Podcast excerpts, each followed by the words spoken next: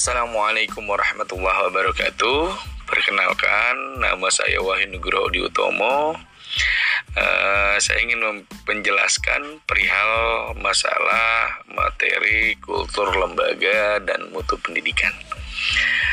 Adapun untuk pelaksanaan kegiatan pemateri ini sebenarnya saya bersama dengan sahabat saya Mbak Titin Kartini. Uh, saya ucapkan terima kasih kepada Pak Ari untuk waktu dan tempat saya diberikan kesempatan.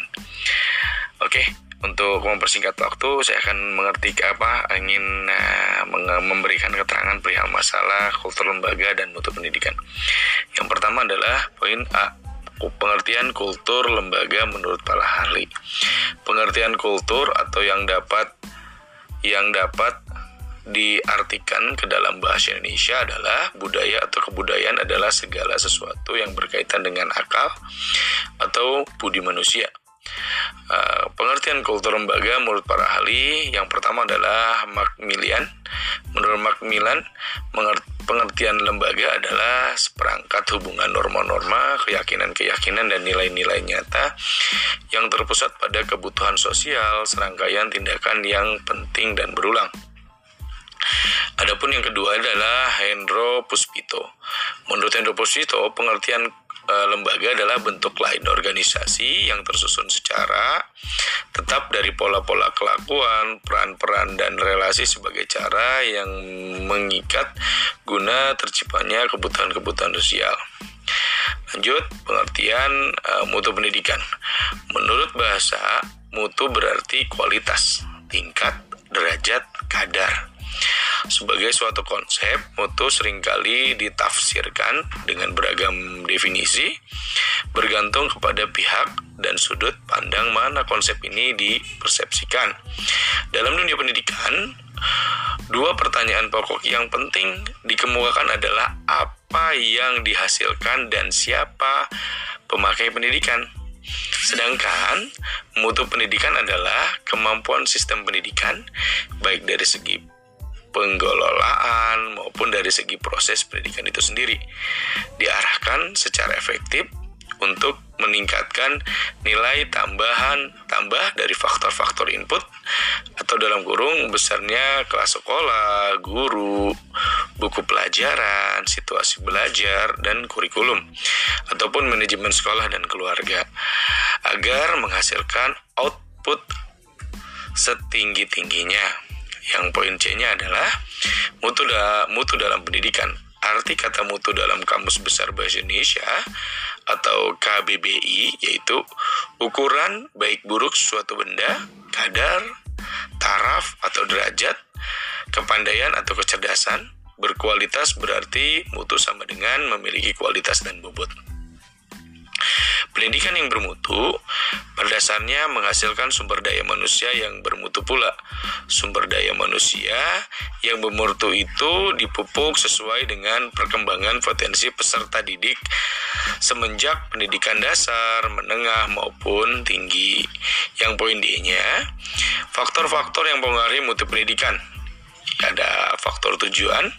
Untuk meningkatkan mutu pendidikan, sekolah senantiasa harus berpegang pada tujuan sehingga mampu menghasilkan output yang berkualitas dengan adanya perencanaan seperti itu dapat disimpulkan bahwa faktor utama yang harus dijadikan pedoman dalam melaksanakan pendidikan nasional, instruksional maupun tujuan yang lain yang lebih sempit.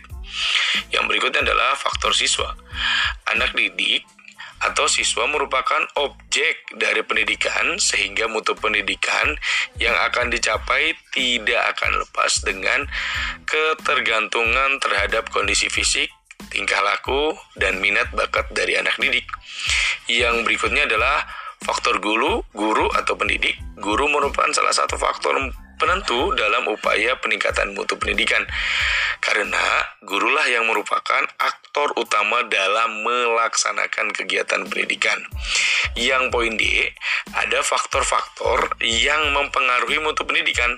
Nah, uh, di sini terdapat dua faktor. Yang pertama adalah faktor alat. Alat pendidikan ini merupakan uh, masalah yang esensial dalam pendidikan karena itu perlu dilakukan upaya untuk menyediakan alat-alat tersebut yang dikategorikan sebagai alat pendidikan adalah suatu yang dapat mempengaruhi tercapainya tujuan pendidikan yaitu sarana, prasarana, dan kurikulum. Yang kedua adalah faktor lingkungan masyarakat. Kemajuan pendidikan sedikit banyak dipengaruhi oleh masyarakat termasuk orang tua siswa karena tanpa adanya bantuan dan kesadaran dari masyarakat sulit untuk melaksanakan peningkatan mutu pendidikan sekolah dan masyarakat merupakan dua kelompok yang tidak dapat dipisahkan dan saling melengkapi satu sama lain.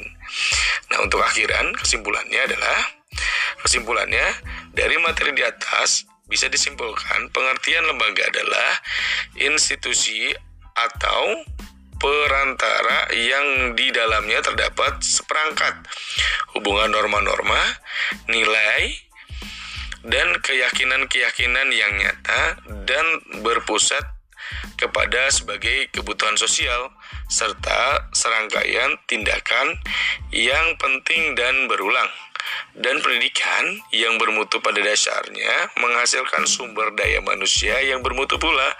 Sumber daya manusia yang bermutu itu dipupuk sesuai dengan perkembangan potensi serta didik semenjak pendidikan dasar, menengah, maupun tinggi dalam pelaksanaan pendidikan di suatu lembaga pendidikan tidak terlepas dari lima faktor pendidikan agar kegiatan pendidikan terlaksana dengan baik yaitu faktor tujuan, faktor pendidik, faktor siswa, faktor alat, dan faktor lingkungan masyarakat.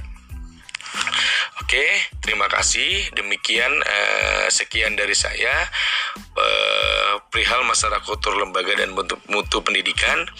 Selebihnya saya mohon maaf karena saya juga masih belajar dan masih mencari perihal ilmu-ilmu yang saya dapatkan saya ucapkan terima kasih kepada Pak Ari atas waktu dan tempat dan kesempatan yang diberikan. Uh, dengan sahabat saya juga Mbak Kartini terima kasih atas bantuannya. Wabil topik wal hidayah. Wassalamualaikum warahmatullahi wabarakatuh